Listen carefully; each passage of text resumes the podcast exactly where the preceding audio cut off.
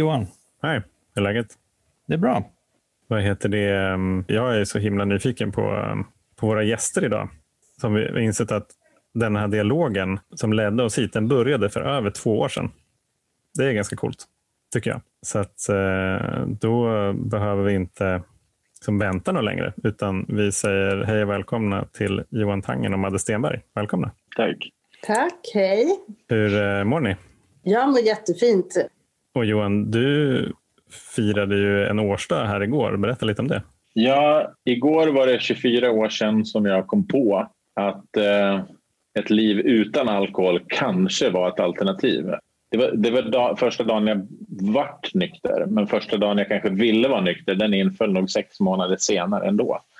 Men det, är, det här är min första eh, nyktra dag 1996, den 24 november. Mm. Eh, så den 23 var min årsdag på min, min eh, nykterhet.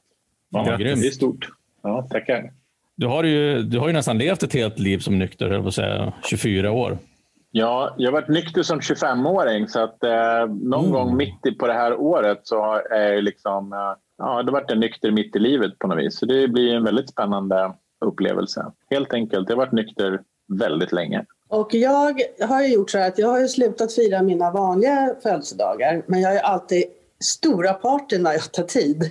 Eller stora partyn. Jag, jag gör ganska mycket om och kring den dagen. Men jag tar ju tio år nästa år, så jag har redan börjat planera vad jag ska göra då. Någonting att se fram emot. Det är också. konstigt det med tid. Eh, Alltså, jag tycker att alltså, när man tittar på 24 år och 9 år och jag har ju 13 år och Johan har 5 år. Alltså, det är ganska många år. Samtidigt som det är väldigt stort och viktigt och länge så känns det liksom varje årsdag kommer ju snabbare och snabbare relativt sett. Verkligen. Mellan, Alltså, mellan kan- ettan och tvåan så är det ju liksom dubbelt så lång tid nykter. Mm. Men när Johan. Johan här, han är ju bara uppe och liksom på marginalen nu. Och lägger till liksom några procent per år. Så att, Men, eh, eh, det är konstigt det där tycker jag. Ja. Alltså, om, jag ska komma med reflektion själv så sk- skulle jag nog faktiskt säga att de första fyra åren var varje år någonting helt nytt. Men efter det så var det lite liksom en, en gradvis förbättring. Jag mådde liksom bättre och bättre och livet funkade bättre och bättre.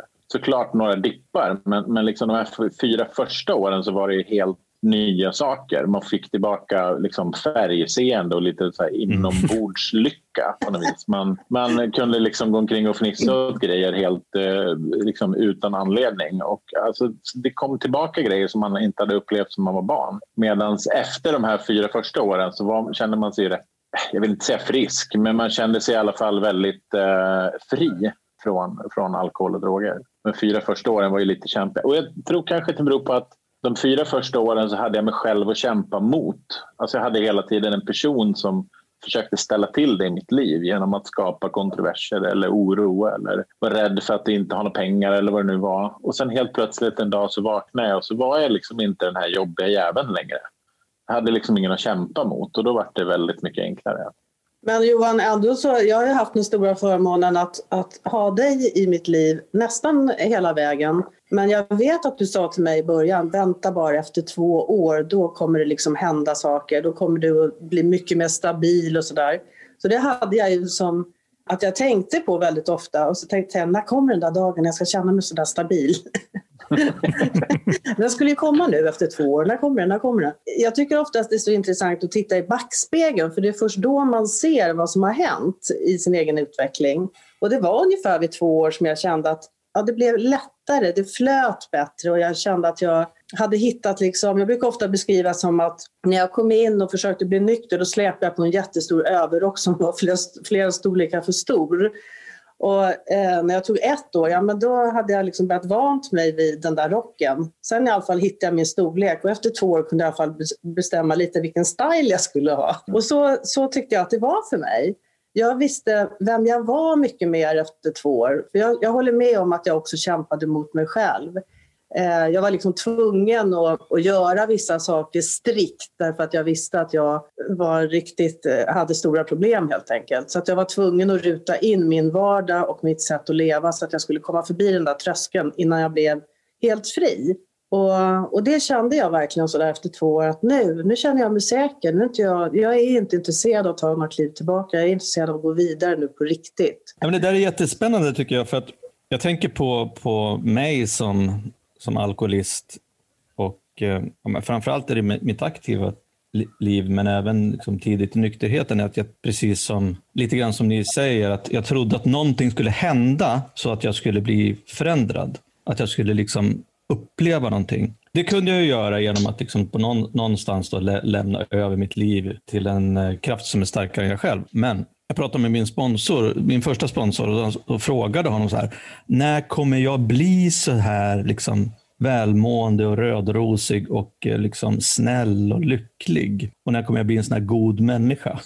Som jag tyckte att alla var, som jag såg, som hade gått före mig. Och då sa han så här, men du kan ju bli, du kan ju bli det idag. Jag fattar inte riktigt vad han menar, men, alltså, men du kan ju välja liksom, i varje situation hur du vill hantera den. Du kan välja liksom, att vara att släppa taget eller du kan välja att vara vänlig istället för att vara arg. Du kan välja att vara glad istället för ledsen de gånger som det gick.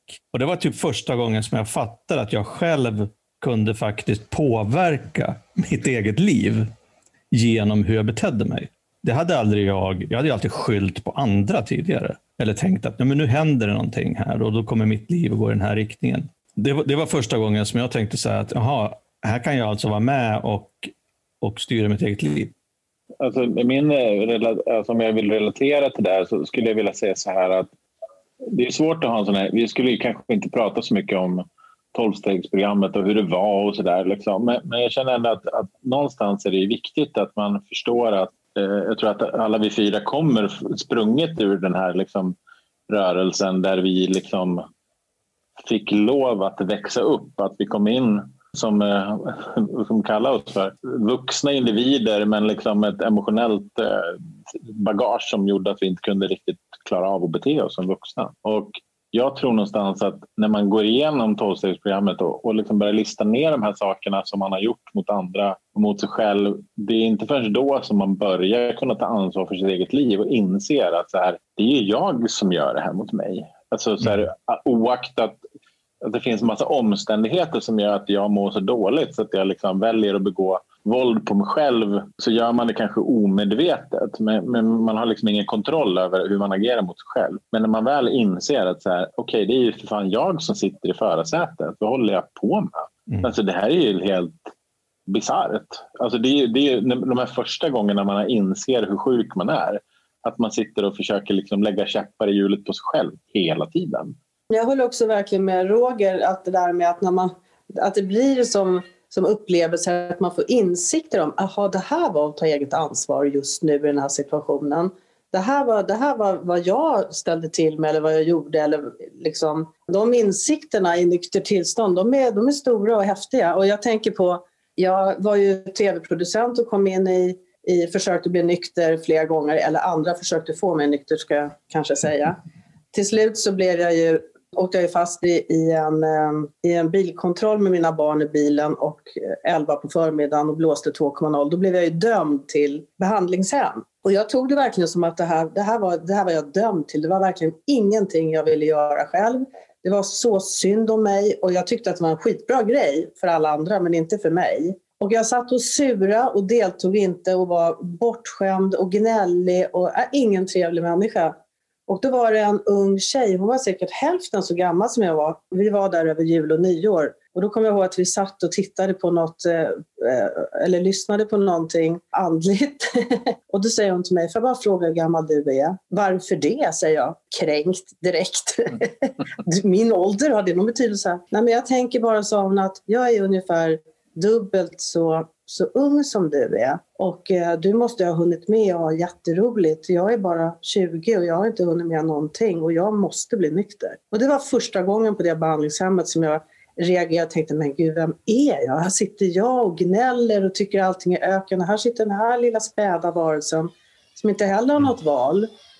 Och det var en insikt för mig då att jag skulle Ja, och det är jag faktiskt fortfarande än idag. Jag är tacksam att jag har haft så otroligt mycket roligt. Vissa hinner inte ens ha det därför att de går så hårt åt i den här sjukdomen. Jag har träffat idag en tjej som bara är 16 år och hon har jättestora problem. Alltså apropå att det verkligen går ner i åldrarna också. Så i, i den backspegeln så är jag ändå glad att jag lyckades bli nykter någon gång för att det, det var inte alls liksom säkert att jag att jag hade kunnat bli det faktiskt. Jag kan känna igen det där med att, um att växa upp i, eh, i 12-stegsprogrammet faktiskt. Tänkte på det så här, mina sista fem år i det aktiva. Så tyckte jag att det också var så jäkla orättvist att alla alla runt omkring mig visste hur man var vuxen. Och jag så här, tänkte så ofta på så här, hur har de fått reda på det här? Vart, vart är det man liksom får reda på den informationen? Hur man ska göra och hur man ska tänka kring vart man ska bo. Och de visste ungefär vad de ville jobba med och de kunde bilda familjer och sådär. Och jag så här, det där har liksom helt bara passerat förbi. Och så hade jag liksom en känsla av att så här, för mig är det för sent. Så det, var, det var ungefär som att alla andra liksom susade förbi på, på livets eh, motorväg och, och hade koll på det. Eh, vilket väl var sant och falskt på samma gång tror jag. Men det var i alla fall känslan. I det där så var också min sanning var att om jag, om jag slapp undan ansvar så var jag fri. Det var liksom den, den bärande definitionen någonstans på liksom att lyckas och att så kunna maxa. Att, att eh, både kunna så här, festa så mycket som möjligt var ju såklart en, eh, en, en önskad effekt vilken vecka som helst. Och att såklart komma undan med det. Att eh, slippa ta det där ansvaret. Det som var var ju bara att så här, det kändes ju inte så fritt helt enkelt. Även fast jag tyckte att jag själv var svinduktig på det eftersom jag lyckades behålla jobb och hade en relation som väl funkade sådär. Men, men jag hade i alla fall en relation och lägenhet och sådär. Och så festade jag jätteofta. Så bara, men varför funkar det inte? Liksom, vad är det som är fel egentligen? Men Johan, du, har ju, du blev nykter när du var 25, 24? Fem. Ja. Mm. Kunde du liksom känna att det var för tidigt? eller? Alltså, ja, hela tiden. Alltså, när jag hamnade på behandlingshem där så kallade de mig för diskoknarkare och sånt där. Det var ju så här, mm. Jag var ingen riktig narkoman. Alltså, de och alla andra använde ju sprutor. Jag hade ju då liksom inte graderat upp mitt missbruk till någon typ av nivå som de tyckte var okej. Okay. Jag insåg efter en stund att det kanske var lika bra att jag slapp också kliva på ytterligare grejer. Och eh, jag kände mig liksom första halvåret in och ut ur den här behandlingssituationen var verkligen så här, jag kände mig inte hemma, jag kände mig inte hemma. De pratar om att sova i en bil. Jag har ju åtminstone en, ett andrahandskontrakt eller någon tjej jag kan sova hos. Eller bara, jag hade ju ingen egen lägenhet, men jag hade i alla fall någonting. Och hela den här liksom det här självdömandet upphörde då efter kanske sex månader när jag faktiskt började lyssna på vad folk pratade om och upplevde att de kände exakt samma sak som mig. Och då insåg jag för första gången ett, jag var inte ensam. Jag hade ju känt mig liksom totalt själv med de här otroligt märkliga tankarna som pågick i huvudet. Jag trodde liksom ingen var lika handikappad mentalt som jag kände mig. Liksom. Och eh, jag insåg också att det är bara liksom en, någon typ av volymkontroll mellan mig och dem. bara drar man upp li, volymen lite grann på mitt missbruk då sover jag också i liksom en bil i Lugnets industriområde precis som de hade gjort. Liksom. Det, jag, hade liksom inte, jag hade inte fixat det på något bättre sätt. Vi var exakt likadana som individer. De hade hållit på några år längre, de hade tappat lite tänder och haft lite fysiska grejer och fått lite hepatit och andra blodsjukdomar och sånt som jag absolut inte ville ha. Så då bestämde jag mig för första gången att så här, alkohol och droger kan inte vara lösningen på mina problem. Det var helt enkelt för tidigt att bli nykter första halvåret men när jag väl insåg att jag kan inte fortsätta lösa mina problem på det sättet då vart jag liksom fri från det där. Apropå att vara för ung så kan jag väl säga en sak till kanske eh, i förhållande till jag var ju nykter 1996 vilket är ju ganska länge sedan. Och när jag var nykter 1996 så var det väldigt få människor i min ålder som var nyktra. Så mm. var det bara. Liksom, de flesta var 10, 15, 20 år äldre. Idag är det ganska vanligt, vilket är fantastiskt vackert, att folk liksom runt 20 bast förstår att så här, okay, mitt liv är nog på väg åt fel håll och försöka börja göra någonting åt det. Det fanns ju liksom inte på kartan när jag var 25. Det var ingenting som någon pratade om. Att jag tror att det har skett en glidning av att man vill bli nykter, att nykterheten går ner i åldrarna och att det är mer socialt accepterat att ha ett problem, vilket det inte var då. Alltså jag var ju misslyckad i fem år för alla. För min familj, eller kanske inte för min familj men, men liksom folk såg ju mig som att jag hade liksom dragit en nitlott i massor med år. Långt efter jag tyckte att så här, fan vilket jävla bra liv jag har, då tyckte folk fortfarande synd om mig. Och så är det ju inte riktigt längre. Har du varit nykter i två år nu så är det liksom tumme upp och ryggdunk. Liksom, men, jag, men jag tror fortfarande att det är så, mm. apropå det här med att, att vara ung och bli nykter, det var ju inte jag. Men jag möter ju många unga människor och det är ingen skillnad tycker jag egentligen på, på vilken ålder man befinner sig. Det är fortfarande det där, vad händer sen? Hur kommer det att bli? Du och jag Johan har ju pratat jättemycket om det, att, att eh, det är klart att man kan hålla sig nykter en, en tid. Man kan till och med hålla sig nykter en längre tid, men sen kommer den där oron. Vad gör man av? Vad gör man av? Alltså, vad hittar man? Jag hörde också i eh, några samtal som ni har haft med här tidigare, det där att man går tillbaka, om man är äldre så går man tillbaka till tonåren för att se vad var jag intresserad av då. Och det tror jag är väldigt många som gör så. Och det var ju lite så när Johan och jag började prata om att vi borde öppna en mötesplats därför att man får ju väldigt mycket tid över när man blir nykter. Så är det ju liksom.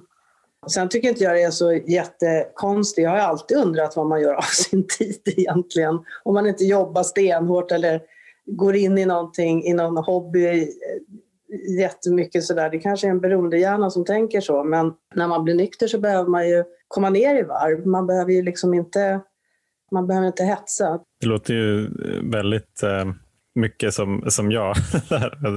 att eh, den, den mentala besattheten, den hittar liksom bara andra vägar. Och Det kan vara jobb. Just nu, just nu så, har, så har vi i, i familjen här en mental besatthet kring landställe. Och det kan ju också det, det, kan ju sluka en hel del energi och det kan sluka så mycket liksom känslokraft som kan gå in i det där. Vi som är beroende och jag som beroende behöver få vila. Det, det kommer jag ihåg. Jag hade så hade så svårt att acceptera att det var liksom en del av lösningen i början. Alltså, alltså, vad fan, vadå vila? Så här, ja, men alltså, vadå, ditt, ditt belöningscentra, hjärnan är helt, är helt eh, söndertrasat. Du har pajat det. Så att liksom, din, din hjärna behöver fysiskt liksom få, få vila upp sig. Det kommer ta lång tid. Och det är inte bra om du, om du stressar liksom, när du är nykter, för då kommer du inte hålla dig nykter kanske. Och det där behöver jag verkligen ha koll på fortfarande. Mm. Mm. I mm. liksom, livets alla olika faser och skeden och vad det kan vara. Madde, du pratade ju om eh, mötesplatsen som ni eh, har. Och eh, Det är ju en av anledningarna att ni är med i podden också, för att snacka ja. lite om det. Ni, ja. kan väl, ni kan väl berätta lite grann om, eh, om hur det kom sig och var, var ni är någonstans och vad som händer där? Men det var så när, just de där två åren, när jag hade varit nykter i, i två år så jag gick ju på väldigt mycket möten och sådär och så tänkte jag det är egentligen konstigt att inte jag träffar fler människor som jag känner. Jag har jobbat i många år i media och sådär, känner ju mycket folk. Och när Johan och jag började snacka så, så hade ju du Johan funderat på en annan typ av behandling mm. eh, än vad som fanns idag. Det, det hände ju no någonting stort liksom när nämndemansgården startade för massor med år sedan. Men sen har det inte hänt så där jättemycket i behandlingssvängen kan man ju konstatera. Men jag tänkte på, eftersom jag är från underhållningsindustrin, så tänkte jag att vad gör man efter de här mötena och hur ska man bli lockad och attraherad av att vilja börja sin resa? Och så satt vi eh, och började skissa på det här. Du minns det Johan, när vi tog fram det första skissblocket? Absolut. Och vi kommer ju från två olika håll. Du kan ju berätta vilket håll du kommer ifrån kanske, så det sitter ihop liksom lite grann. Ja, men exakt. Alltså Madde kommer ju från mediesidan, och så här, hur man paketerar en story på ett schysst sätt folk vill ta del av den. Och jag kommer ju från varumärkessidan och också krogsidan. Jag har ju öppnat ett antal sociala mötesplatser som det kallas, men det är liksom bara nattklubbar, kaféer, krogar, ja, helt enkelt eh, ställen som, som jag själv ville gå på. Eh, framförallt under den tiden jag var, var aktiv, men även långt efter det har jag liksom fortsatt med det, för det finns fortfarande någonting psykologiskt intressant att, att, att äh, hitta varför folk trivs i vissa miljöer. Och när jag hamnade på behandling så kommer jag ihåg det, det var liksom plastmattor, det var ful konst, det var vävtapeter, det var liksom eh, folk som gick med skinnväst och, och hästsvans. Jag, jag tyckte helt enkelt att det var väldigt oattraktivt. Jag kände mig liksom straffad. Inte för att det är något fel på varken skinnvästar eller hästsvans, men hötorgskonst och, och plastmattor, det är liksom inte min grej. Och när vi liksom slog ihop våra idéer, Maddes tänk på hur man kan presentera en sån här idé och hur man kan nå ut till människor så att folk faktiskt vill ta del av en lösning. Och sen när man kommer dit så ska det också vara trevligt att vara där. Det var liksom fröet som sen blev Stockholm 12. Och vi, hade ju, vi hade ju tittat på liksom gamla traditioner också. Alltså vi älskade båda till exempel Folkets hus när det var som bäst. Jättefin mötesplats. Och att man kunde hitta en tillräckligt stor lokal där man också kunde inte bara eh, gå och fika utan att det fanns faktiskt annat också. Eh, möten, eh, det kunde finnas eh, som TED-talks eller life stories, storytelling, utställningar, eh, både eh, foto och annat. Och att det ska finnas en liten scen som man också liksom kan en poddstudio. Nu komma. eh, att man kan blanda, göra en hybrid utav, utav ett utbud som är intressant och attraktivt. Och vi letade, har ju letat länge efter rätt lokal och vi ville, ville ligga liksom centralt. Och alla vet ju i Stockholm där, där vi ska starta att det är väldigt, väldigt dyrt. Men till slut så hittade vi i alla fall en, en perfekt lokal för oss där allt det här är möjligt att göra. Och vi gjorde faktiskt, det är väl två år sedan, så gjorde vi en pilot i verkligheten på det här nere på ett hotell på Vasagatan så fick vi hyra in oss på hela övervåningen och då körde vi precis som vi har tänkt oss med workshops och, och vi började liksom på vid 12 och då hade vi workshops, sen hade vi någon utställning, sen hade vi en, en hjärnforskare där, sen hade vi en annan intressant talare och sen blev det mer musik och så blev det mer live och ja, ända hela kvällen var liksom ett körschema utav, utav ett utbud. Och det var väldigt, väldigt trevligt. Sen har vi försökt att säga att det här ska ju rikta sig till beroende såklart. Det ska finnas hjälp där för de som vill ha. Men det är också för anhöriga och vänners vänner. Så att man inte känner att det där är ett ställe för bara oss. För det är precis som, där som du började prata om Roger i början, att vi också bestämmer oss för att vi som är nyktra, vi är minsann nyktra. Men man kan ju blanda faktiskt. Det, ju, det, finns ju, det är helt individuellt hur man lever och hur man är och sådär. Och jag tror att alla mår bra av att det är en, en, en mötesplats för alla helt enkelt. Men, men viktigt för oss är ju att det ska finnas hjälp för de som behöver så att man kan gå dit och nosa på, på platsen och ta en kaffe med en vän eller så och, och därefter kanske våga ta den här hjälpen som det är så svårt att börja ta.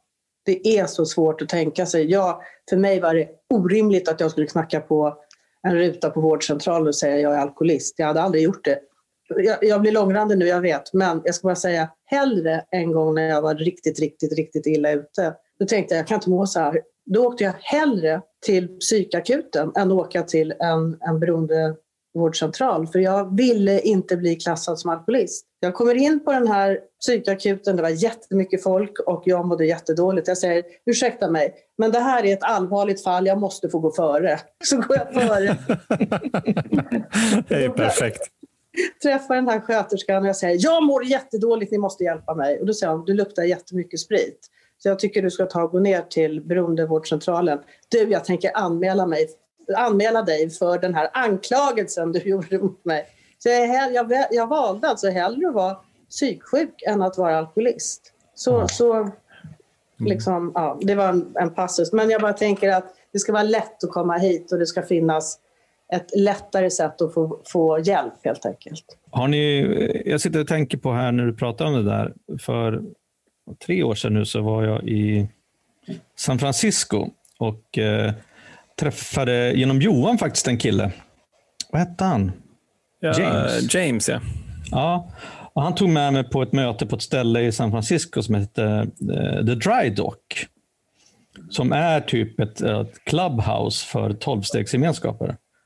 De har ju typ eh, så här, café och eh, sen är det massor med olika gemenskaper som har egna rum där. Så öppet 17 timmar per dygn. Mm. Kollade jag här nu. Mm. Och och Jag tyckte att det var så jävla häftigt att komma dit. Att det var liksom, satt folk liksom och, och fikade mm. utanför. Och Sen så var det liksom massa dörrar som gick in till olika gemenskaper. Och så kunde man vara där hela dagen utan att behöva egentligen gå på möte. Mm. Jag tycker att den här idén är, är, är liksom, den är fantastisk. Ja, den är så enkel och ändå är det så märkligt att ingen har gjort det. Men vi tror ju att när vi öppnar så kommer man verkligen tänka, varför har inte det här funnits? Alltså mm. när det är så enkelt så att det blir för enkelt. Det har ju funnits sådana här clubhouses, aldrig i Europa vet jag inte, i Sverige har det inte funnits, men i USA finns det ju. I Arizona och New York och som du sa San Francisco, Los Angeles, stora städer har ju haft det liksom under, under många år. Och jag tror någonstans att det vi har försökt att tänka när det gäller Stockholm 12 att det här handlar inte om tolvstegsgemenskaper utan det handlar om människor som behöver ett, ett innehållsrikt liv efter att man har liksom på något vis sortat med sitt problem. Man behöver hitta någonstans där man mm. kan bli guidad åt rätt håll. Och sen när man har fått den hjälpen, då behöver man ha någonstans att, att vara. Plus att det är så att 70 procent av de som har problem och vet att de behöver hjälp, alltså vet att de behöver vård, de vågar inte söka hjälp för att de skäms. Utan det är nästan alltid så att de personer som söker hjälp åt folk, det är ju anhöriga eller kollegor eller liksom någon chef eller någonting. Och, och uh, vi pratar ju mycket om det i tolvstegsgemenskapen, att man måste vara slagen och man måste nå sin botten och sånt där. Men, men uh, jag tror inte den där botten uh, liksom riktigt finns på det sättet som alla förklarar, utan jag tror man, man måste få själv slut på energi och inse att så här, jag måste förändra någonting. Men alltså, den förändringen kommer nästan alltid utifrån, inte förlåt, från mig. Förlåt att, jag, förlåt att jag slänger in, jag måste bara säga apropå det där med botten. För, för mig var det så här att jag sprang omkring och letade efter min botten jättelänge och slog i den också och tänkte nej det där var nog inte botten. Nej, det var nog inte det. Så fortsatte man. Så att, jag håller verkligen med om att, att finns det egentligen, finns det någon botten måste man, måste man liksom slå i den egentligen. Förlåt Johan. Det var ingen fara. Nej, men jag tänker så här, det måste vara tillräckligt allvarligt för att man ska förstå att shit, det här livet som jag lever nu, det är varken värdigt att leva, kul att leva eller funka för någon annan runt omkring mig, inte ens mig själv. Det behöver man väl kanske förstå, men den gränsen den når ju oftast en alkis eller narkoman många år innan man själv så förstår att så här, jag är mitt största problem i mitt eget liv. Medan dina anhöriga har ju förstått det oftast ett par år innan du själv liksom greppar att så här, jag har ett problem. Så kommer ju dina, din, din fru eller man eller brorsa eller någonting säga så här, men du har ju problem. Det vet ju de långt, långt innan man själv vet Och jag tror att ju mer vi, som ni gör med den här podden, att man snackar om det, det finns andra poddar som pratar om det här, det finns eh, medberoende poddar, vi kommer ut, vi pratar om det här liksom offentligt mot sociala medier och sånt där, så tror jag att man sänker ribban vilket gör att vi kan liksom lyfta lite skam från det här problemet. Att folk vågar prata om det. Liksom jag tycker att min sjukdom eller mitt liksom tillstånd som alkis och narkoman det är det bästa som har hänt mig. När jag får problem idag då har jag liksom en lösning att ta till. Det står liksom det finns miljoner människor som har gått före mig och liksom sortat med sina problem. Så att när jag får ett riktigt problem idag då, då kan jag liksom bara backa bandet, fråga någon annan vad de har gjort och sen göra samma sak ungefär. Anpassa det till min situation och sen så får jag ett bra liv. Det är ganska enkelt. Medan om du har problem som en vanlig individ, ja vad gör de? Ja, de famlar omkring ett bra tag innan de ja. träffar någon som kanske har löst samma problem. Men som ni vet så är det så att om du har ett problem och vänder det till våra respektive gemenskaper, alltså de, de människorna man har runt omkring sig, så finns det alltid någon som har varit med om i princip exakt samma sak. Liksom trauma med någon som går bort eller eh, köpa ett sommarhus som du pratar om eller eh, liksom eh, sorta sin ekonomi eller man har en juridisk process eller man går igenom en skilsmässa eller vad det än är så känner vi jättemycket människor som har gått igenom samma sak. Så man behöver inte göra saker själv längre. Man får liksom support av andra. Och det kan man prata om på mötesplatsen. Mm. Men det, det, det är så, jag tänker på två saker. En grej som jag faktiskt inte har tänkt på så mycket, men som, som vi tog upp lite grann i försnacket också, och som du är inne på nu Johan, det här med att eh, det brukar ju säga så här att om tolvstegsprogram att, att liksom vi, som, vi som går på olika tolvstegsprogram, vi ska vara och, och anonyma. Men programmen eller lösningen ska liksom inte vara anonym eller hemlig. Men i och med att de här mötena sker liksom i, oftast liksom i slutna rum för oss som har de här problemen och har hittat den här lösningen, så är de inte, de är inte jättesynliga för, för allmänheten eller för människor som är i förnekelse, som du pratade om. Mm. Så att just den här grejen, och det, det kommer jag faktiskt på nu, att till exempel Alkispodden är ju faktiskt ett sätt att inkludera även icke-alkoholister, icke-beroende liksom, i det här sammanhanget. Absolut. Och, och, Det tycker jag är så jävla spännande och viktigt tror jag också. Liksom att inte, vi ska inte isolera oss som tillfrisknande beroende. Och vi ska heller inte hålla det hemligt. Och vi ska heller inte tycka att vi kanske blir lite så här högmodiga för att vi har faktiskt fått världens bästa sjukdom. Mm. Precis som du är inne på.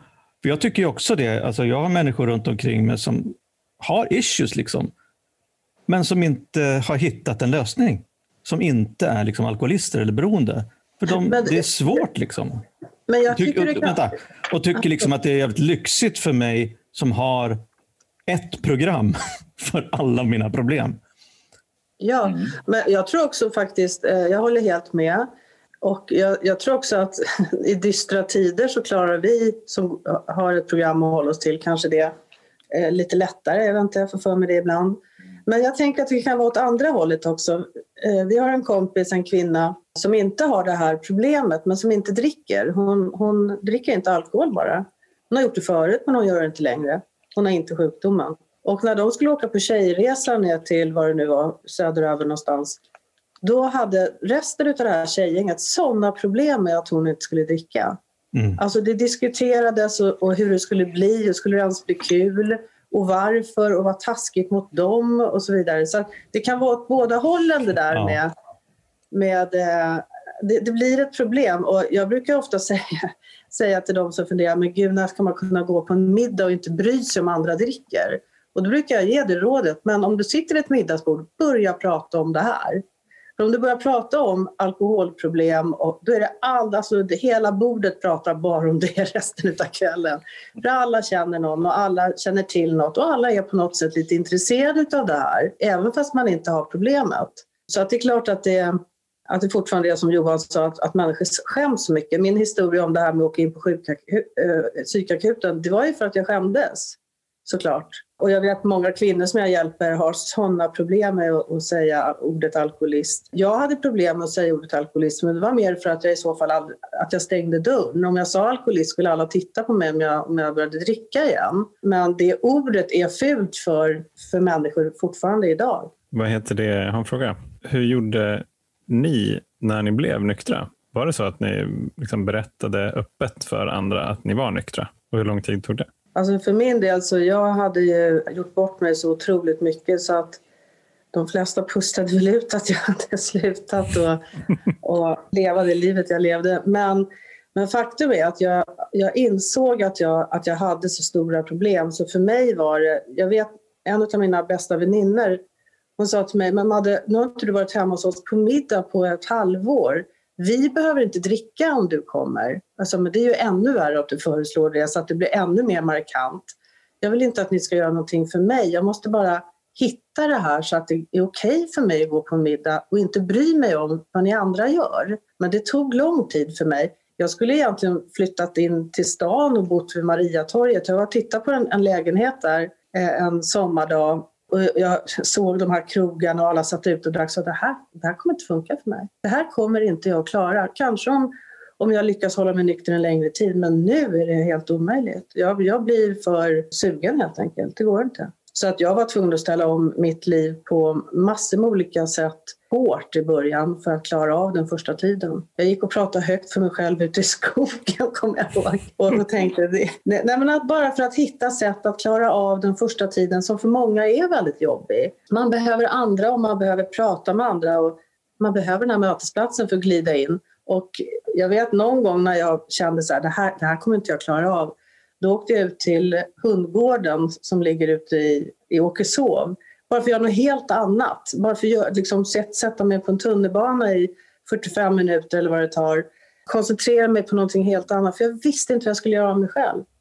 För mig var det väl så att, att jag var ju nykter ung. Jag jobbade på krogen då. Jag eh, var ju med och drev lite nattklubbar och sånt där. Men, och på 90-talet fanns det väl några nattklubbar med ganska drogliberal syn, i alla fall bland personal och gäster. Kanske inte från ägarna direkt, det har jag ingen riktig koll på. Men jag var med och drev Gildas och Turbin och eh, lite andra ställen och det var ju rätt geggigt liksom, och jobbade också på ett ställe som heter Trap Bar då precis när jag blev nykter och folk bettade ju på när jag skulle bli packad och påtänd igen. Alltså det var ju så här, de samlade in pengar till en stor pott och om jag tog återfall så skulle jag minsann få 10 000 spänn eller jag skulle få dra så mycket ladd jag ville eller ja, massa sådana här märkliga saker.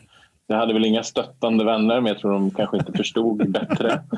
Men det blev snarare att då blev jag nästan obstinat istället. Så för mig blev det... Alltså jag, jag är glad att jag hade så stort ego när jag kom tillbaka från behandling. Att så här, de ska minsann inte få mig. Så därför höll jag mig nykter, tror jag, i början. Att liksom, av ren trots på något vis. Hade det varit mjukt och härligt att komma tillbaka och liksom det inte hade varit någon grej, då hade jag säkert eh, tagit återfall och varit på något helt annat ställe idag. Men i och med att det varit en sån stor grej att man kommer in och jobbar liksom, nattklubb och det drar massa folk och håller massa liksom, människor lyckliga så förutsatte alla att jag skulle liksom, kliva på igen, vilket jag då kände det ska jag minsann klara mig ifrån. Och vilket jag också gjorde. Det är en jävligt dålig strategi som nynykter att jobba nattklubb. Jag, jag tänkte precis på det, för jag har fått ganska mycket frågor på senaste tiden just om från människor som tycker att det är så jävla svårt att vara nykter i början.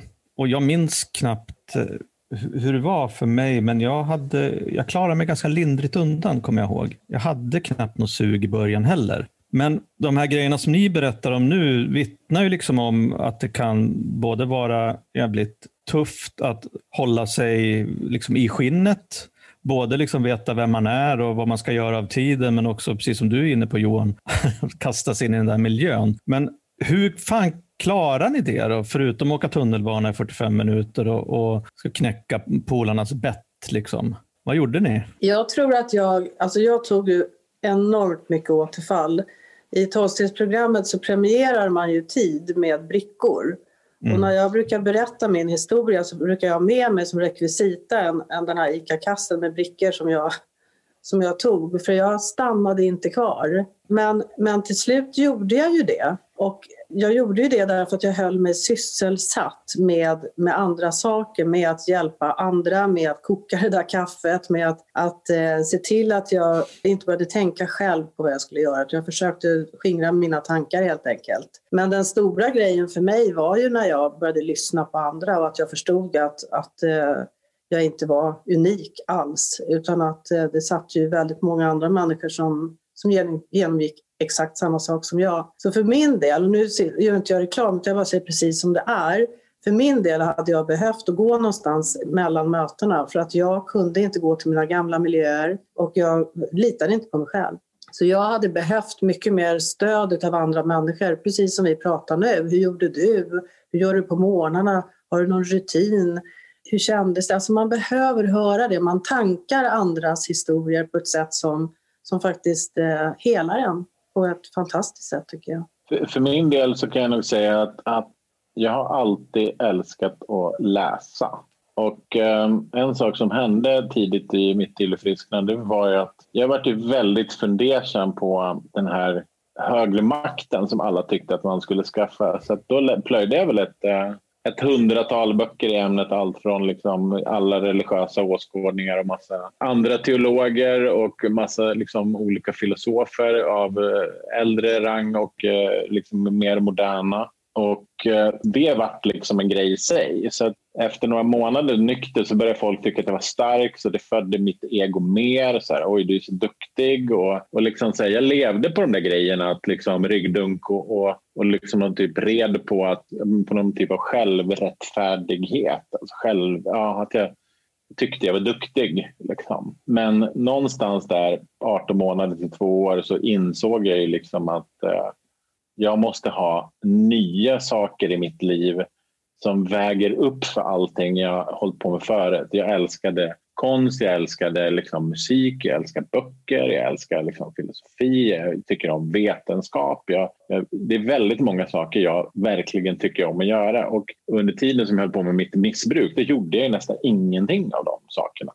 Jag liksom pratade om mitt bokintresse, men jag läste ju inga böcker längre för jag hade ju liksom inte riktigt tid. Jag vaknade tre på eftermiddagen och var glad om jag hann till banken innan den stängde. Sen var det liksom ute, så var jag ute till åtta, nio på morgonen liksom. och så kom jag hem som något vrak och somnade bakom någon soffa någonstans hemma hos någon och sov några timmar och så upp igen dagen efter. Och och under de timmarna så gjorde jag ju ingenting av det jag verkligen brann för att göra inifrån. Jag valde liksom helt andra lättare flyktvägar än liksom att, att bli uppslukad av saker man är intresserad av. Så flydde jag från mitt eget liv på något vis. Men det tog nog 18 månader till två år innan jag så här, aha okej, okay, jag kan liksom jag kan ha lite balans. Jag kan läsa bok i fyra timmar utan att bli stressad. Jag måste inte göra någonting. Ah, det var, liksom, det, det var, det var lite transportsträcka i början och precis som Madde säger så här, det fanns ju ingenstans att vara heller. Man gick ju på kaféer och man, liksom, man träffade lite folk och sånt där. Men jag hade väl också ynnesten tror jag att, att jag har jobbat på krogen sedan jag var 13 år och för mig var det så här,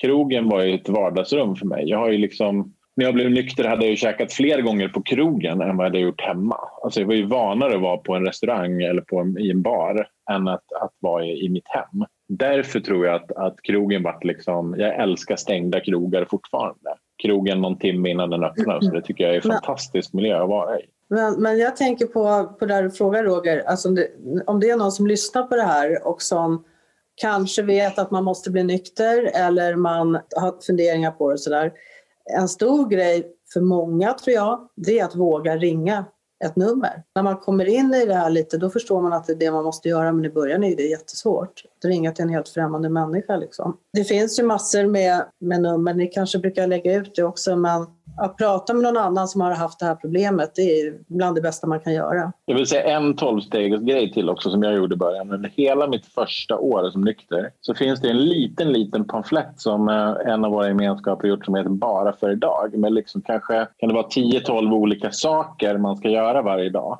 Man ska liksom klä sig fint och man ska tala hövligt med andra och man ska ha en plan och man ska försöka följa den och, och man ska inte visa att man blir upprörd. Och sånt där. Den där läste jag säkert tio gånger om dagen hela första året. Och den, den liksom sitter i ryggmärgen på mig fortfarande när jag råkar ut för grejer. Och den är så otroligt bra. Så liksom, jag tror man måste hitta små saker som ger en trygghet som man hela tiden kan vända tillbaka till. Jag hade också en annan grej tidigt i nykterheten att jag skulle stanna upp och titta upp på fina hus och sådär. Att jag liksom upplever det som är runt omkring mig.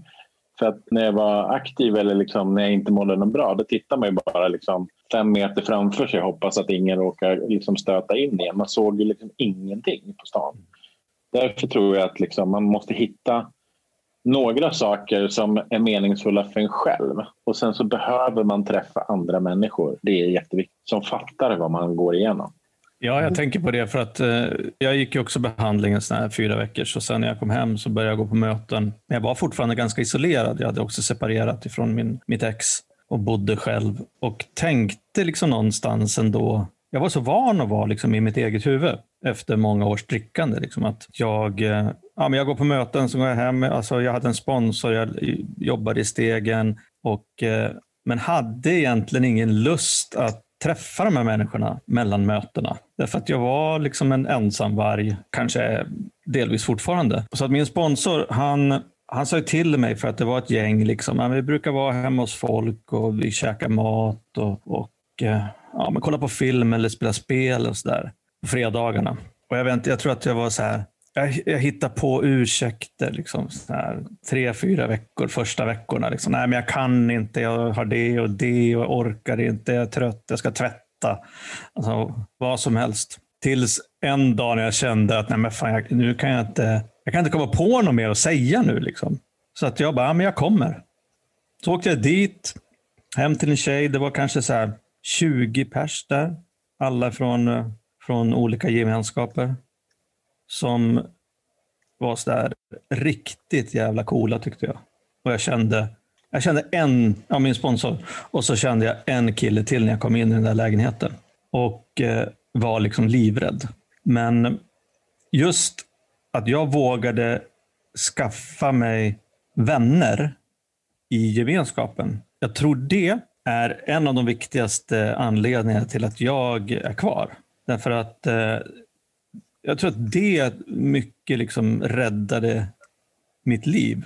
Förutom det att liksom jag slutade dricka. Men just det där att jag, jag, vågade, jag vågade föra in de här människorna i min sociala kontext. Liksom. Att det blev mina nya vänner. Att det blev de här människorna som jag gick ut och fika med. Att de kom hem till mig på fredag och lördagkvällarna och kollade på video och rökte vattenpipa. Att, liksom, att det blev mitt nya liksom, ja, mitt nya nätverk. Vi har pratat om det, vi behöver träffa människor och det här med mötesplatsen.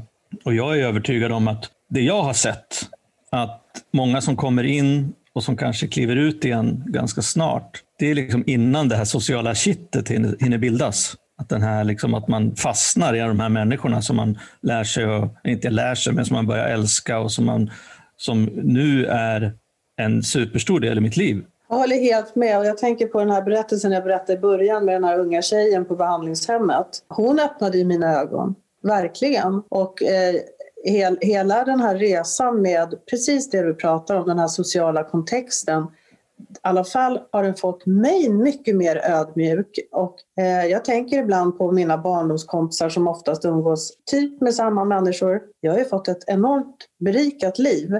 Men jag tror fortfarande att det är så här att det är så mycket fördomar kring både kring möten, kring nyktra människor. De blir tråkiga, de blir liksom rättskaffens och sådär. Men, men, och därför har Johan och jag alltid pratat om att det är så viktigt att den här mötesplatsen ska vara härlig och tilltalande och välkomnande. För innan man har förstått att man, in, att man kan acceptera massor med olika människor som inte jag alls kunde förut. Jag umgicks ju med liksom mitt kluster av människor. Men precis det där du pratar om att man faktiskt kan det är så berikande och det är stärkande att, att träffa olika sorts människor och eh, även om man har problemet eller inte så jag, jag, tror faktiskt att man ändå mår bra av att, nu ska jag göra reklam här för det goda samtalet som vår behandling heter.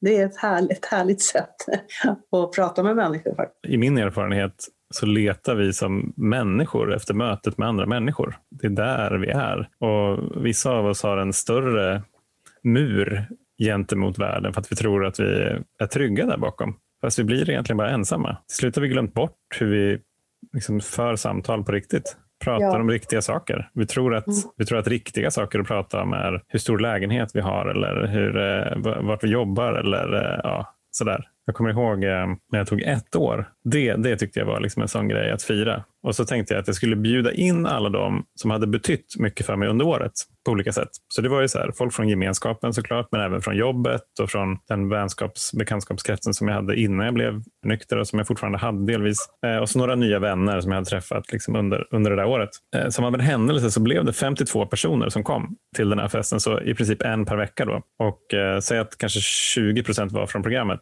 Och det, jag tror folk liksom än idag, inte för att ta åt mig äran liksom för det där, men än idag så pratar folk om så här, just det, den där ettårsfesten. Det var liksom någonting med det där som var att det blev riktiga möten. Bara för att alla visste att de var där för att de hade hjälpt mig i min alkoholism och liksom genom det första året som nykter så var det någonting annat som var det där kittet mellan dem. Väldigt många samtal rörde sig runt liksom djupare saker. För, för vissa var det där liksom helt första gången som man inte gick på en middag eller ett mingel och det var de här typiska ytliga grejerna som man pratade om. Och jag menar, om, om, en sån, om en sån kväll var en vanlig onsdag, vi höll inte ens på speciellt länge, Menar, om det kan sätta spår på ett positivt sätt hos människor så kommer den här mötesplatsen som ni skapar verkligen att kunna göra skillnad tycker jag.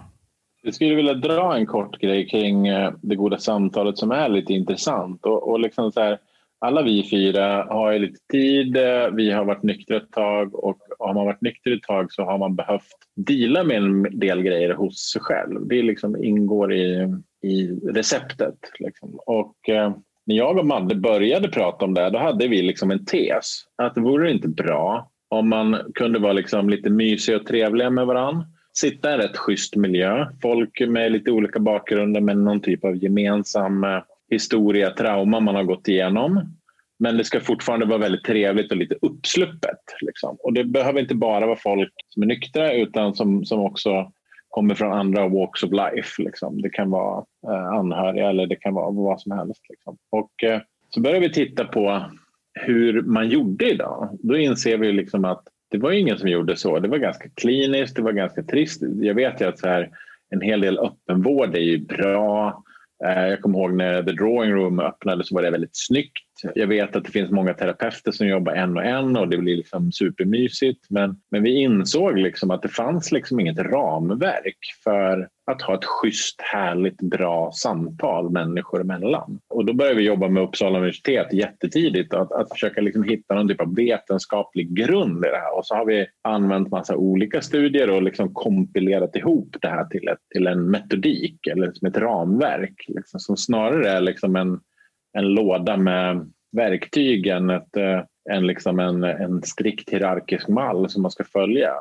Och man inser liksom att människor som har genomgått svåra saker i sitt liv sitter på massa lösningar som vetenskapen eller läkare liksom inte får ta del av för att de är inte del av den, liksom, det klustret människor. Jag menar, alla vi känner människor som har gått från fruktansvärda förhållanden till liksom ganska bra förhållanden. Och det är väldigt få liksom läkare eller liksom vetenskapsmän, forskare som har genomgått samma resa. Man, man liksom blir inte superlyckad akademiskt om man samtidigt är alkis och narkoman. Det, för mig var det i alla fall väldigt svårt och jag tror att det är det för de flesta. Men man inser hur vi, för, för, oss var det ju så självklart och när vi talade med Fred Nyberg då på Uppsala universitet första gången, han var ju direkt så här det där är intressant. Det eh, finns det en hel del forskning kring men ingenting som var, jag kommer inte exakt ihåg hans ord, det är många år sedan nu, men fyra, fem år sedan någonting vi hade den första diskussionen. Att det är superintressant, det finns massa forskning kring det men det finns liksom inte hopsatt till någon typ av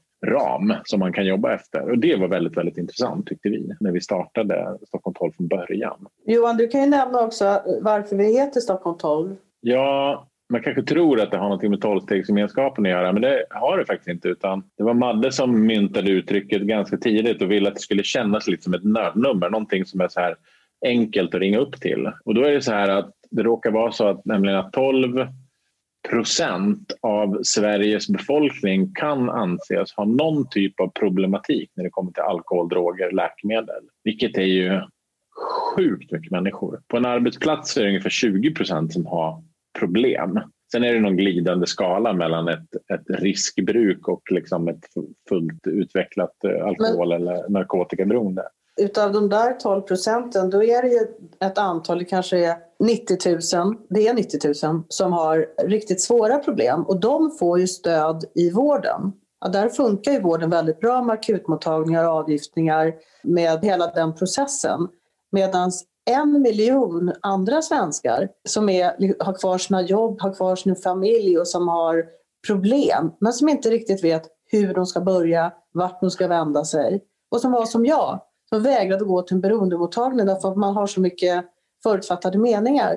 Där kan det också vara lättare att, att börja sin resa på ett annat sätt. Och, och, och det säger ju också, vi har ju träffat väldigt eh, många privata vårdaktörer och även större sjukhus och sådär de når ju bara 2% utav den där miljonen vanliga människor med problem. Deras sätt att kommunicera tar inte tag i den gruppen av personer. Man brukar säga att någonstans mellan 3 till 4 procent av Sveriges befolkning har så allvarliga problem att de skulle behöva institutionell vård. Vilket är ju 3 till 4 gånger så många som faktiskt får någon typ av aktiv åtgärd idag. Så det är otroligt. Alltså, vi kallar det för den dolda målgruppen. Jag vet inte om någon annan har myntat uttrycket men det sitter helt enkelt mängder med människor mår riktigt, riktigt pissigt som inte kommer ur sitt problem själv men som fortfarande inte gå till vården för de vill inte, vågar inte eller tyvärr inte ens kvalar in. Alltså inte ens när de vill bli nyktra får de hjälp för att man har jobbet kvar. Man har väl en fru som står och städar efter en eller man har liksom någon make som ljuger för en på jobbet eller vad det är. Vilket gör att man liksom på något vis hankar sig fram i sitt sociala liv. Och sen så blir det också så att när man väl kommer till beroendemottagningen då ska man också så här klä upp sig lite och man ska vara nyrakad och man ska ha lite fräscha kläder och man ska känna sig lite snygg. Liksom. kommer man dit och säger att man har allvarliga problem och det ser inte ut så längre. Men hade de sett den fyra timmar tidigare när man liksom kravlade ur sängen liksom efter liksom jordens bakfylla, tog sig en liksom kort återställare och då hade det varit väldigt lätt att förstå att det här är någonting som är helt av banan. Men vi vill ju då dölja det här problemet själva också. Ja, alltså det som jag tycker är så jävla spännande med det här det är ju att alltså det finns den här dolda målgruppen eller det här kommunikationsproblemet som även jag och Johan har grävt i ganska mycket i podden. Det här med att det som ni pratar om nu med de här med grava problem och, eh, och som är illa däran. Alltså det är många, många av oss var ju där så precis som du sa Johan, men, men många har, liksom, har det bra idag. Och att få människor som är där eller på väg dit och släppa skammen och förnekelsen för det första för att liksom överleva. Mm. För att inte dö eller liksom förstöra, rasera allting i sitt liv. Och sen men att liksom få människor att fatta att det är liksom inte slutet. Mm. Det slutar inte när du slutar dricka eller knarka. Utan det börjar då. Och Det är därför jag tycker det är så viktigt, alltså när vi startar Alkispodden, att, att, att både, egentligen två saker. jag är ganska liksom ivrig att få visa förebilder. Alltså vanliga människor som har det bra och som har gått igenom det här helvetet och har hittat en lösning. Och det andra är att vara lite rolig. Det som du pratar om, som trevligt, mysigt, uppsluppet. Liksom. Att inte, mm. Madde, du var inne på det i början också, just det där att man tänker att, att vi är liksom präktiga och har tråkigt. Alltså, fan. Försöka få människor, både människor med beroendesjukdomen, men också människor runt omkring och kanske liksom alla människor i samhället och se liksom att vad fan, vi är vanliga, normala människor som dessutom kan ha jävligt kul också mm. utan att behöva dricka eller knarka. Det är faktiskt, jag tror jag tänkte på det när, när, du, eh, när du delade Johan, att um, när jag var aktiv alltså jag pratade ju mycket, mycket mer om allt jag skulle och kunde och borde göra än vad jag faktiskt gjorde. Jag fick inte så mycket gjort egentligen. så det var väl, det var ju mycket mer i mitt huvud som allt det där spännande hände. Sen så, sen så var det väl så att jag kanske var okej okay med det då, att det var så. Men jag har ju gjort väldigt många fler spännande grejer i nykterheten. Får jag berätta en liten rolig historia apropå det? Att visa andra att man är på väg att göra så jävla mycket bra saker fast det händer liksom ingenting. Eh, då var det så att min exman som alltid varit så snäll mot mig, han sa Madde, det har kommit till en gräns nu att det inte längre går. Du kommer inte kunna ha barnen om inte du skärper ihop dig. Vi måste träffa liksom SOS för att få en återfallsbehandling. Och jag kände, hörde på hans röst att det är skarpt läge. Jag måste göra någonting drastiskt. Så jag gjorde som jag brukar göra. Jag gjorde en jättestor moodboard där jag visade att jag ska åka skidor, den här bilen, kultur, hur ska jag samarbeta med? Jättebra, stor tavla, mycket bilder var det. Så jag släpar upp den till SOS i Nacka. Gjorde du det? Du tog med en moodboard till SOS i Nacka? Ja, den kvar fortfarande. Ja, ja, så jag kommer upp dit och min, min exman står där och han suckar lite och kommer in och jag berättar hur jag ska resa och samarbeten och allting jag ska göra. Och hon tittar på mig, den där socialsekreteraren med sina glasögon och säger, det är en intressant tavla det där, men vad har det med tillfrisknandet att göra? Och då hörde jag den här djupa sucken utav, den, utav min exman. Och sen när vi gick därifrån så, så sa jag, kan du skjutsa mig hem? Nej, hörru du, nu får du faktiskt ta dig hem själv.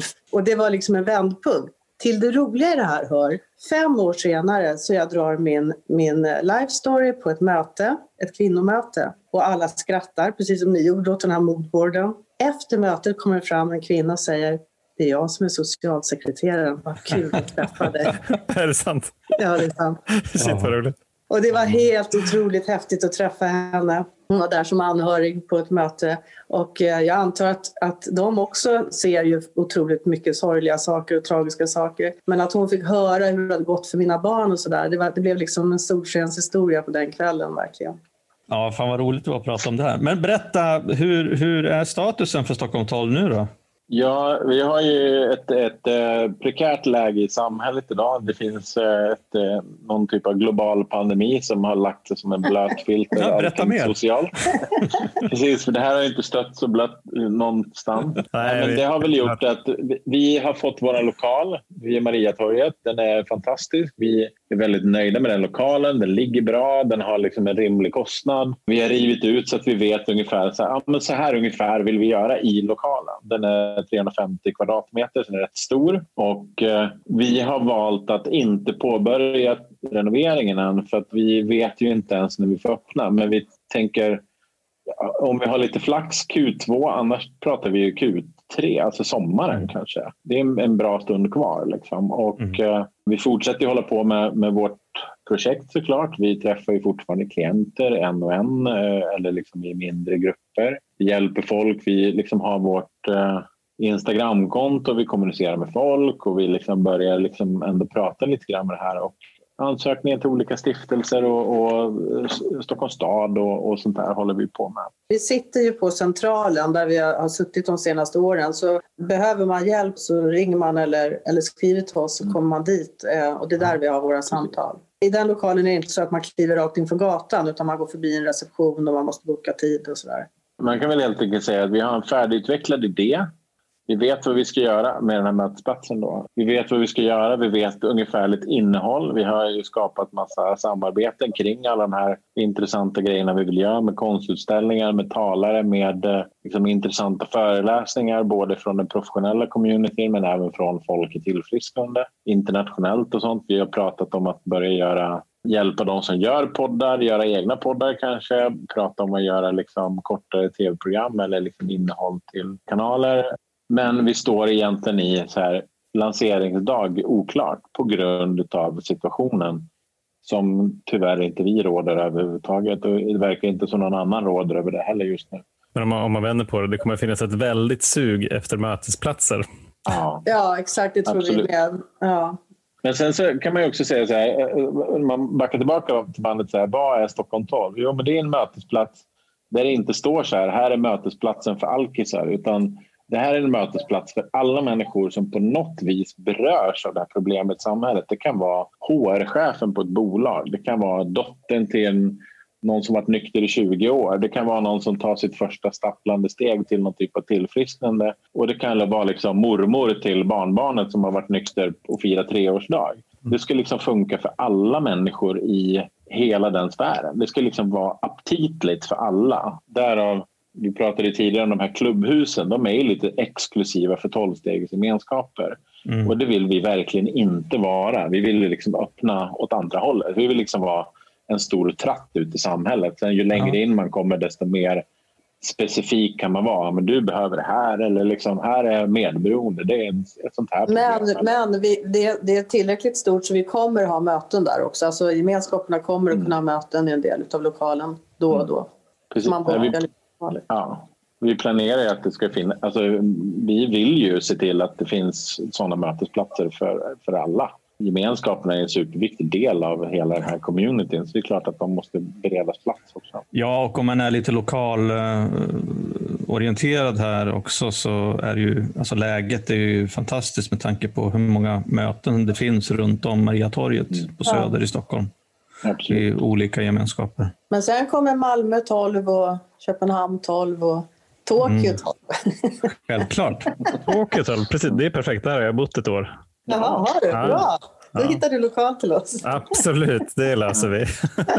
apropå, ny, apropå nya saker att göra. Jag och min son vi har som, som deal att vi varje år ska åka någonstans. I år har det varit lite problem då, men, men att man ska åka någonstans nytt. Så vi har varit på Island och då var vi faktiskt i Tokyo förra året och det var ju fantastiskt kul att se. Tokyo och Kyoto var vi. Det var otroligt rolig kultur att se. Sen är också väldigt skönt. Jag har en väldigt lång son och han är väldigt lätt att hitta i Tokyo för alla andra är väldigt korta. Så man ser honom på långt håll. Jaha, där borta är han. Han är liksom med två huvuden längre än alla andra. Jag, ska, jag ska bara knyta ihop min story där med vad som hände efter det, det här besöket och när jag kom upp med moodboarden. jag lyckades ju bli nykter sen som sagt. Och eh, eh, när jag tog ett år, mina kids och min exman brukar alltid komma och vara med när jag får den där, den där årsbrickan. Och första året då fick jag en sån otroligt bra present av dem. De hade verkligen förstått vad det gick ut på. Då fick jag ett par skor så att jag skulle fortsätta gå på möten. Åh. Ja, det var väldigt fint. Ja, det var ju jättefint. Ska jag berätta vad som hände på min, min, min första årsdag?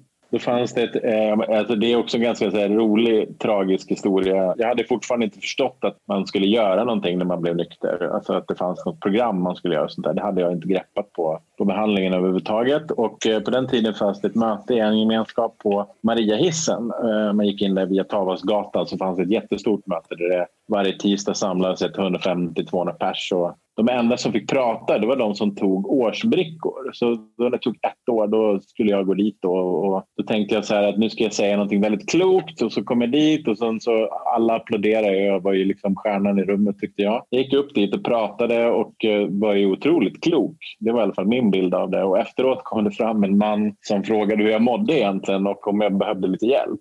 Och det var min första sponsor. Så det var då jag började göra stegen för första gången själv. Men det mm. första, första stapplande stegen in i gemenskapen brukar oftast inte vara helt uh, spikraka. Ja, det, är, det är ganska roligt. Man skulle vilja höra den här delningen nu. Eh, som, du, som du gjorde. Jag har tyvärr inget minne av vad jag sa. Jag tror att det är ganska svart hela den. Liksom. storyn. Lite skämmig också, men den är också lite gullig på något vis. Nej, men det, det är lite så här, jag känner igen mig lite grann där. Jag, jag pratade väldigt mycket och väldigt fort. Mina, min första tid i, i programmet på möten. Mm. Och väldigt länge blev knackad på jämt och ständigt. jag var så jävla speedad kommer jag ihåg när jag skulle prata. Och Det är också en av de grejerna som, vi pratar om det här med fysiska gemenskapen eller skaffa nytt nätverk. Men en av de svåraste grejerna som jag har fått lära mig det är att eh, inte ta för stor plats. Att träna på det. Liksom. Så därför brukar jag, och nu blir det inte så mycket under rådande omständigheter, men så brukar jag nu träna på att gå på möten där jag inte är liksom så jättebekant med folk som går för att få känna mig lite liten och blyg ibland. Det behöver jag. För att när jag blir för bekväm då blir jag ganska jobbig. Lite störig och, och bara håller på med dåliga skämt. Jag känner inte igen mig överhuvudtaget. Nej, jag förstår det. Det var helt trist.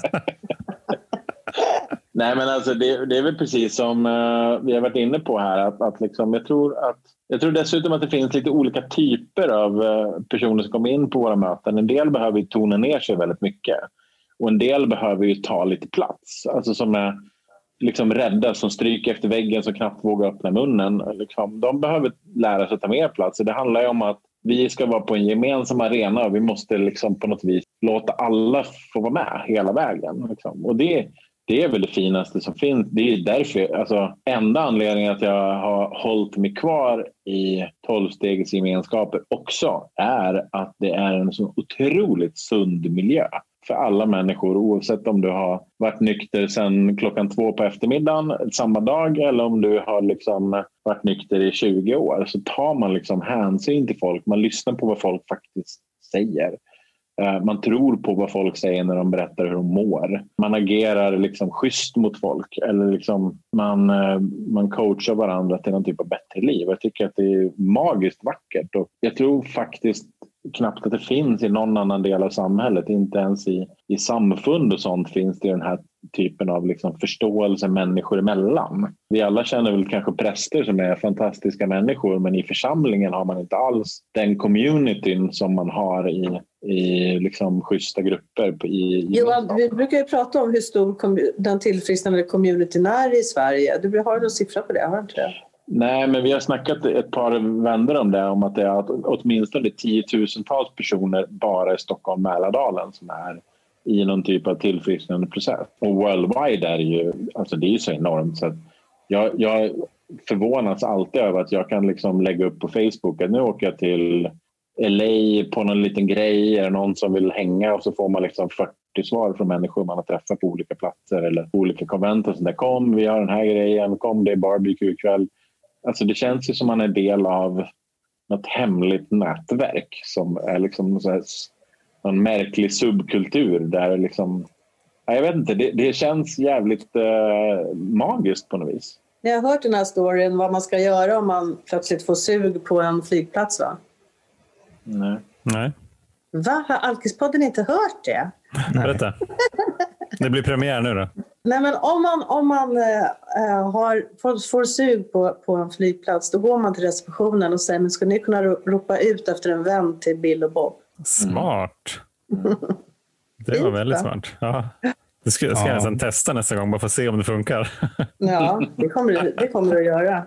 Nej, men det är ju en, en enorm liksom, global kraft. Det är ju såklart stort, större på vissa ställen än, än andra ställen av förklarliga skäl. Beroende på USA är det enormt och Västeuropa är enormt och liksom Kanada och sådär. Och sen så finns det mindre och mindre ju längre bort i Asien och sånt där så är det väl inte så superstort. Men jag har ändå suttit på möten på en hel del platser även om jag inte alls förstår vad folk säger så jag hör ju hur folk skrattar på samma sätt när någon pratar. Det är samma typ av hjärtlighet. Jag känner, jag känner mig mer hemma där fastän jag förstår liksom inte ett ord av vad folk säger än vad jag gör i väldigt många andra sammanhang. Och Det tycker jag är väldigt, väldigt vackert. Jag håller med. Jag kommer ihåg, eh, jag och min, eh, jag och min fru vi gifte oss 2018 och så var vi på smekmånad i USA och Kanada. Och då, ehm, då hade vi väl båda kommit fram till att det är nog bra om jag går på i alla fall mitt, ett möte i veckan för att hålla, hålla smekmånaden liksom någorlunda kärleksfull. Där, och så var vi eh, i, någon, eh, liksom, i skogen i, i nordöstra Kanada. Så var jag så här, så här nu borde jag verkligen gå på ett möte, men här finns det väl ändå inte ett... Jo, det gör ju det såklart. och typiskt ett sånt, eh, liksom en, en, mindre klubbstuga liksom bredvid en kyrka så, så fanns det liksom ett plakat. Så här, de här dagarna, de här tiderna är det möten. Och um, självklart också som, som liksom inresande så får man ju alltid tala mm. på mötena. Det kan man också se fram emot om man kommer mm. till en, en gemenskap. Men det var väldigt fint. Alltså få de där, eh, de där vännerna på resan som jag inte kände. In, eller hade, det var vänner som jag inte hade träffat innan. Som tyckte att det var helt liksom, fantastiskt att vi hade gift oss och att det var så här, i nykterheten. Och det var världens firande liksom, varje gång jag var på ett möte. Det var, Gud vad fint. Ja, det var skithäftigt verkligen. Och det blev en fin smekmånad också som en bonus. Men om jag skulle summera de senaste fem, sex åren, vad som hänt sen jag och Madde påbörjade vår typ gemensamma quest att försöka göra någonting åt det här problemet i samhället. Så gick det från, jag kommer ihåg när vi la ut första gången så här, nu firar vi x antal år nykter. Jag kommer inte ihåg om det var kanske 18 år eller om det var någon, någonting i de svängarna. Det var typ bara vi som la ut sådana saker. Det var ingen som pratade om det. Och det fick, fick ju sån enorm respons. Alltså det är så mycket människor som... Alltså det fanns ett behov av att på något vis erkänna att man hade problem och att, att liksom våga prata om det här. Nu är det ju lite vanligare och jag tänkte på nu när jag la upp min 24-årsdag så fick jag extremt mycket hyllningar på, på det, vilket känns ju liksom svinkul såklart, men det är väl kanske lite mer allmännyttigt idag. Men, men hur det nästan var så här, folk skämdes över att vara alkisar och narkomaner. De ville inte berätta det på sina arbetsplatser. De ville inte berätta det för sina kollegor. De ville inte prata med sin familj om att de hade problem och de vågade inte erkänna. Men, men, men jag tror att vi har liksom, absolut inte på grund av oss, så vi kanske har någon mikroskopisk liten del av den rörelsen att det är okej okay att ha ett problem. För vet, jag har liksom tagit ansvar för mitt problem. Jag har liksom försökt bli en bättre person som kanske klarar av att leva nykter och bete mig vettigt mot människor, mot eh, liksom kvinnan jag har ett förhållande med, mot mitt barn, mot mina föräldrar, mot min, ja, min släkt och vänner och affärskollegor. Allt, alla människor runt omkring mig tar ett större ansvar för mitt liv. Jag tror att, det, jag tror att det, vi är helt enkelt inne i en ny era när det kommer till vad man eh, kan prata om i samhället. Och, och, debatten kring psykisk ohälsa har hjälpt oss enormt i det eftersom det har blivit en, blev en debatt om det för fem, sex år sedan och man började prata om diagnoser, man började prata om att folk inte mår bra. Jag tror tyvärr inte folk mår så mycket bättre, men vi vet i alla fall om nu att folk inte mår så bra. Jag tror inte att eh, vi har löst några problem än, men jag tror kanske att, att debattklimatet har blivit öppnare. Folk skäms inte lika mycket och det är väl en väldigt bra början. Ja, men jag, jag, jag tänkte på det, att så här, menar, det är ju egentligen konstigt att inte hylla eller fira att så här, jag har tagit ansvar för mig så att ni inte behöver göra det. Vare sig det är i ett förhållande eller på jobbet eller så. För det är det, det, är, det är det som blir själva effekten. Alltså när jag var aktiv. Herregud vad, vad andra behövde ta ansvar för mig då. Fast jag såg det inte så såklart. Jag tyckte att jag tog så oerhört mycket ansvar och det var därför jag fick dricka så mycket jag ville. vi är väl de mest... Liksom, alltså så här, det är ju ganska svårt att ljuga för sig själv. Men jag vet inte, jag var jätteduktig på det. Jag hade liksom ingen aning om att jag hade ett problem. Jag förstod inte vad jag skulle på behandling att göra. Jag åkte ju mest dit för att folk skulle sluta tjata på mig. Mm. Mm. Alltså på riktigt. Så här, det var ju bara tur att jag var tillräckligt hade tillräckligt mycket respekt för människorna i min familj för att inse att ja, jag kanske ska vara kvar här en liten stund i alla fall så kanske det liksom blir lite lugnt. Det var ju anledningen att jag sen på något vis i slutändan insåg att jag hade ett problem vilket gjorde att jag till slut insåg att jag behövde göra någonting åt det. Men eh, det var verkligen inte min idé.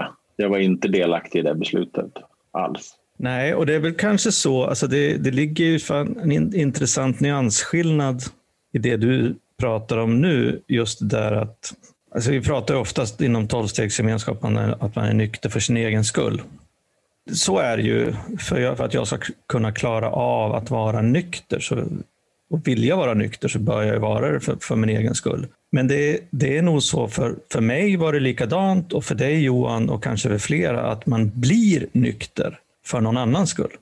Mm.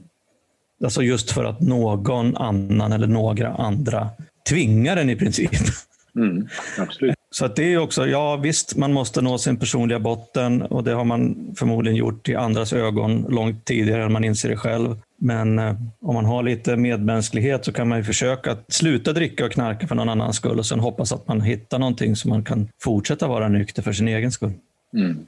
Ja, alltså jag, jag, tror att det där är en uh, väldigt korrekt analys. för att vi i slutändan är det precis som du säger, då måste så här, jag måste vilja vara nykter. Om jag inte vill någonting då kommer det inte funka. I, här, jag kan sluta röka i en vecka för att någon annan tycker det. Sen kommer jag inte sluta röka längre.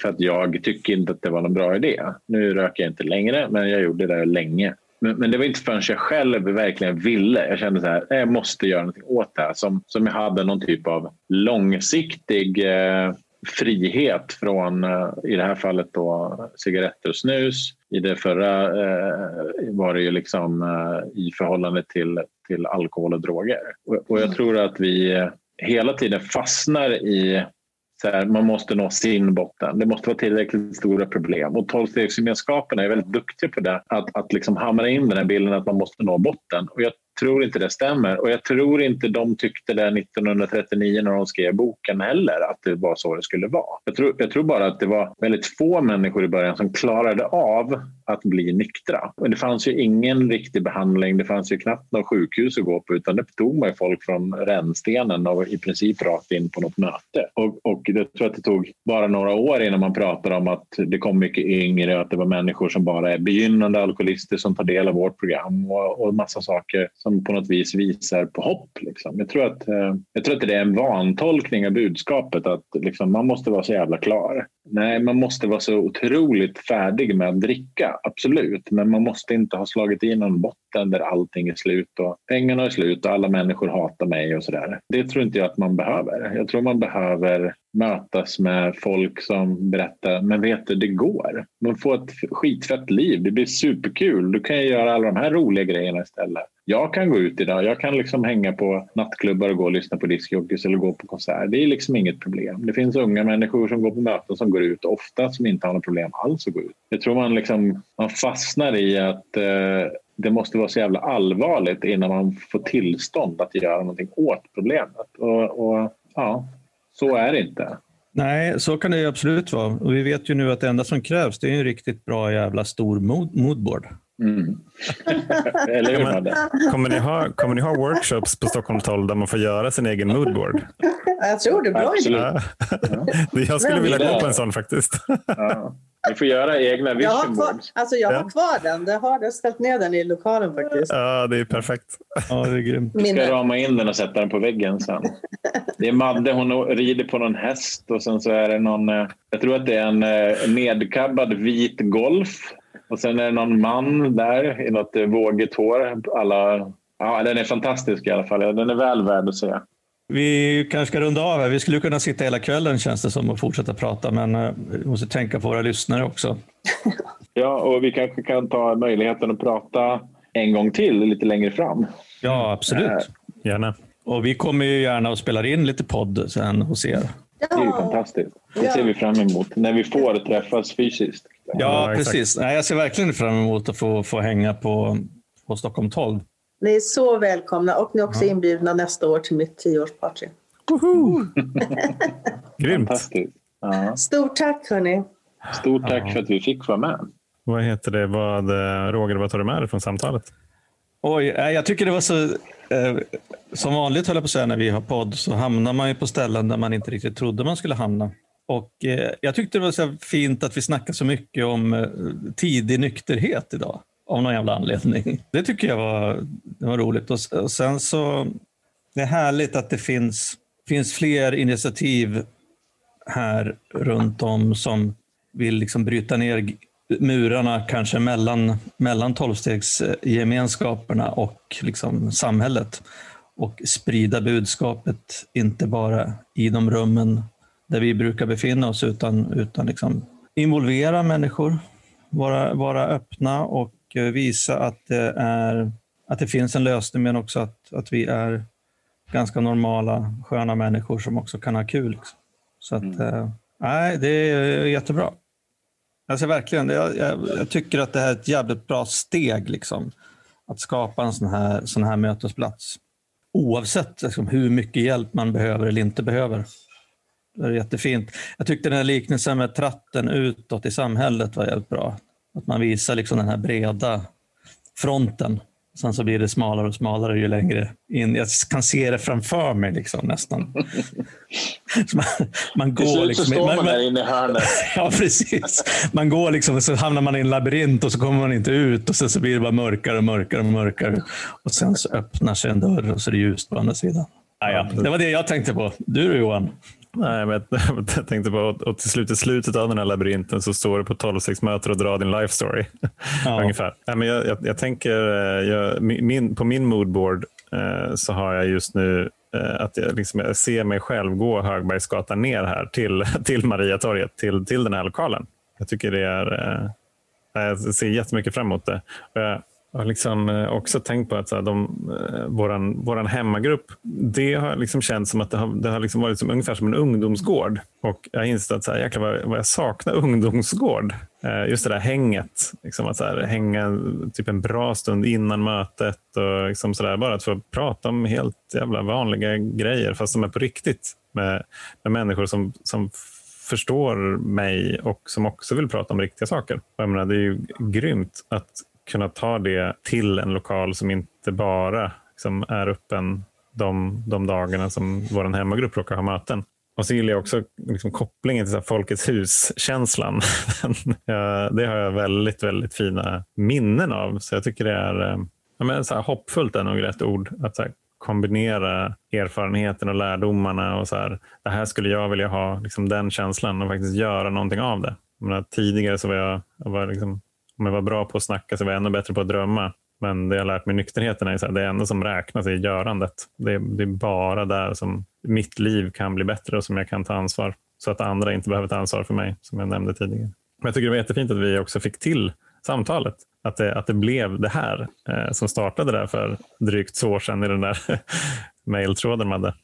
Ja, det, Madde, vad, vad, kände du efter samtalet? Jag tycker det var väldigt kul att träffa er och eh, roligt att vi tog upp så många olika saker, att det blev så brett samtal. Jag pratade lite med Johan innan och sa att jag hoppas att det inte bara att vi inte snör in liksom med tolvstegsprogrammet. Jag antar att ni har lyssnare utanför också. Ibland kan det bli väldigt sådär, man måste nästan ha varit på ett möte för att förstå. Men jag tycker inte mm. det här samtalet blev så. Jag tycker det blev bredare och jättekul att träffa er. Så fint samtal, varmt, trevligt. Mm. Mm. Tack. Tack. Johan? Tack. Ja, alltså den största grejen som jag tar med mig är att på något vis känns det så att när man har ingående, ärliga, schyssta, öppna diskussioner om att tillfriskna från ett problem, då pratar man ofta om den tidiga tiden för att det är den som är make it or break it. Liksom, fixar du den första tiden så fixar du det. Och fixar du inte det första gången då kommer du att förstå och sakna det när du kliver ut och så vill du komma tillbaka till det där. Då känner du tryggheten. Det är därför det här, liksom, den första tiden är så viktig. Det är därför vi berättar life stories för varandra och pratar om vårt liv. Liksom, där min svarta historia kan hjälpa någon annan. Det tycker jag är magiskt vackert. Men, men det är väldigt intressant att trots att vi alla har ett lång nykterhet så hamnar man tillbaka och pratar om de här första stapplande stegen i alla fall. För att man inser att man gjorde väldigt mycket med sig själv de där första få åren så var det väldigt stor skillnad. Och eh, som vi sa i början där inledningsvis att ja, jag har 24 år och de senaste åren har varit ganska enkla medan de första åren var ju ganska tunga. Kanske inte mitt uppe i dem men när jag tittar i backspegeln så här, herregud vilket vilken otroligt tappad individ jag var när jag kom in. Så, år ett, år två, år... Så alltid när man tittar i backspegeln så inser man ju så här, gud vad mycket grejer jag gjort. Men när man är mitt i det så kanske man inte upplever det på samma sätt. Men alltså, mitt, jag idag har ingenting med människan som klev in på mitt första tolvstegsmöte 1996 att göra. Alltså, vi har ingenting med varandra att göra. Det är liksom, vi är så långt ifrån varandra emotionellt och fysiskt och allting. Det är ren magi faktiskt. Och fantastiskt bra samtal. Tycker jag. På hoppas att någon annan när de lyssnar förstår vad vi pratar om. Det känns som att det blir lite sådär det är lite spretigt, men eh, härligt på något vis. Precis, vi, får väl, vi får väl tacka alla lyssnare som har tagit sig ända hit då. att, ni, att ni lyssnade färdigt. ja, men, eh, och det, då återstår egentligen bara att eh, säga så här, tack, eh, tack så jättemycket och eh, så önskar vi alla där ute en riktigt eh, trevlig helg och ta hand om er. Ha det bra. Det gör vi. Tack så hemskt mycket. Sköt om er allihop. Mm. Hej då. Hej.